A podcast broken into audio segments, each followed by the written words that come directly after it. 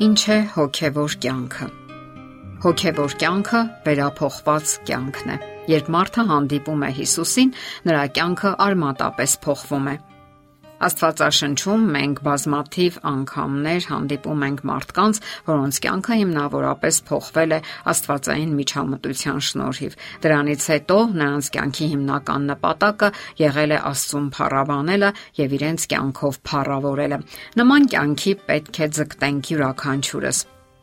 Աստվածաշնչում կարդում ենք ի ծնե կաղի մասին, որ բժշկվում է իր հիվանդությունից։ Այդ պատմությունը նկարագրված է Գորս Կարաքելոց գրքում։ Կարդում ենք. Նա ցատկելով ոտքի կանգնեց եւ քայլեց, եւ նրանց հետ տաճար մտավ քայլելով, ցատկելով եւ Աստծուն օրհնելով։ Մեկ այլ պատմության մեջ ի ծնե կույր մարդը հանդիպում է Հիսուսին եւ նրա կյանքը նույնպես փոխվում է։ Ճանաչելով Հիսուսին, նա կատարյալ ուրախությամբ լի կյանք է ապրում։ Ահա թե ինչու կարևորվում են Աստծո հետ կենթանի փոխհարաբերությունները, որpիսի որոնենք ու ճանաչենք նրան, ինչի արդյունքում է միայն, որ հնարավոր է ապրել վերափոխված Աստծո փառաբանությամբ լի կյանքով։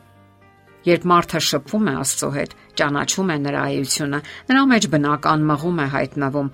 նույն կերպ պատասխանել նրան։ Այդ պատասխանը երկրպագությունն է եւ օշնաբանությունը։ Երբ մարդը զգում է նոր կյանքի հմայքն ու ուրախությունը, նա ցանկանում է Աստծո այդ մեծ ողորմությանը պատասխանել։ Ահա թե ինչու միանգամայն բնական է, որ մենք ընդունում ենք նրա մեծությունը, սերը եւ անսահման կարեկցանքը եւ պատասխանը լինում է նրան փառաբանելը։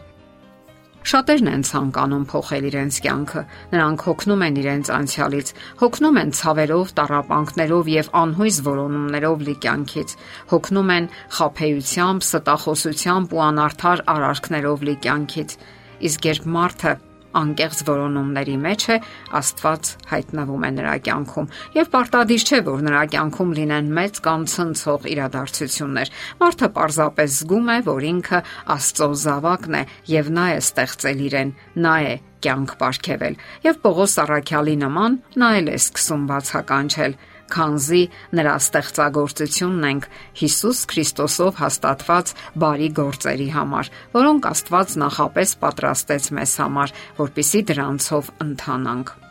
Այսօր աշխարհում ընդունված է բարկանալը, արագ բորբոքվելը եւ անգամ վիրավորելը։ Սակայն վերափոխված մարդը փոխում է իր մարդկային բնույթը եւ նրա ներսում բնակվում է խաղաղությունը։ Նա արդեն այլ մարդ է, նրա հետ հեշտ է, հաճելի է շփվելը որովհետև նրա բնավորությունը նմանվել է Քրիստոսի բնավորությանը։ Հիշեք, որ բարկությունը ձեր ընկերը չէ։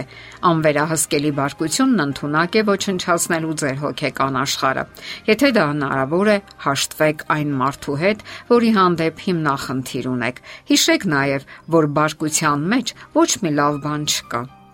Վատ է, երբ նա տիրում եւ կառավարում է ձեզ, իսկ դուք ոչինչ չեք ձեռնարկում նրան հաղթելու համար։ Երբ զգում եք, որ ձեր ներսում ինչ որ բան երում է, չարանում եք, ուրեմն պահն է, որ Աստծուն հանձնեք ձեր բարկությունը, խնդրեք նրան բացել բարկության աղբյուրը, պատճառը, խոստովանեք ձեր մեղքը։ Եթե դուք բարկացել եք կոնկրետ մարդու վրա, անհրաժեշտ է հաշտվել նրա հետ, մտեցեք եւ ձգտեք հաշտվել։ Մենք ապրում ենք Քրիստոսի շնորհով, որքան էլ շատերը չընդունեն դա։ Շատերն ապրում են ձևական կրոնամոլության կապանքներում։ Նրանք ճունեն կենթանի Աստծո հետ խոր փորձառությունների շղթան, որը փոխում է մարդուն եւ երջանկության ու հավերժական կյանքի տանում։ Աստծո մեջ է մեր երջանկությունը, մեր երջանկության գրավականը նրա հետ շփումն է։ Առանց նրա կենարար ուժի մենք պարզապես մահացած ենք կյանքը կախված է կյանքի աղբյուրի Քրիստոսի հետ մեր միաբանությունից ու շփումից, այլ ճանապարհ ու ելք չկա։ Մնացածը խափուսիկ ճանապարհներ են, որոնք փակ ուղի են տանում։ Եվ այսօր աշխարհի պատմության վերջին ժամանակում դա հատկապես կարևորվում է, որովհետև գիտենք, որ մոտ է Հիսուսի երկրորդ գալուստը եւ աշխարհի վաղճանը։ Դա անլույս մութ ճանապարհ է, որի վերջը չի էլ երևում։ Դա հավերժական կորուստ տանող ճանապարհն է։ Դե ի՞նչ, դուք փորձում եք հաղթել ձեր բնավորությանը։ Վերափոխել եք ձեր արատներն ու մարդկային թերությունները։ Եթե այո, ուրեմն Քրիստոսը գործում է ձեր մեջ։ Եթե ոչ, ուրեմն դուք ապրում եք այն արժեքներով, որոնք ընդունված են եւ որոնք հավերժական կյանք չեն տանում այսինքն աշխարհի արժեքներով։ Անհնար է մնալ Քրիստոսի մեջ եւ շարունակել մեղք գործել։ Շատերը չեն էլ պատկերացնում այս ճշմարտությունը եւ անընդհատ պարտություն են կրում մեղքի դեմ պայքարում։ Նրանք կամքի մեծ ուժ են գործադրում, ջանքեր են թափում, տապալվում։ Նրանք իրենց ողջ ուշադրությունը կենտրոնացնում են սեփական սխալների ու մեղքերի վրա, փոխանակ վստահ են Քրիստոսին։ Մեղքի դեմ պայքարելու համար անհրաժեշտ է եւ պարտադիր է շփվել Հիսուսի հետ։ Եվ դա վերափոխում է մեր բնավորությունը, դարձնելով պիտանի հավերժական կյանքի համար։ Եթերում է ղողանջ հավերժության հաղորդաշարը։ Հարցերի եւ առաջարկությունների համար զանգահարել 033 87 87 87 հեռախոսահամարով։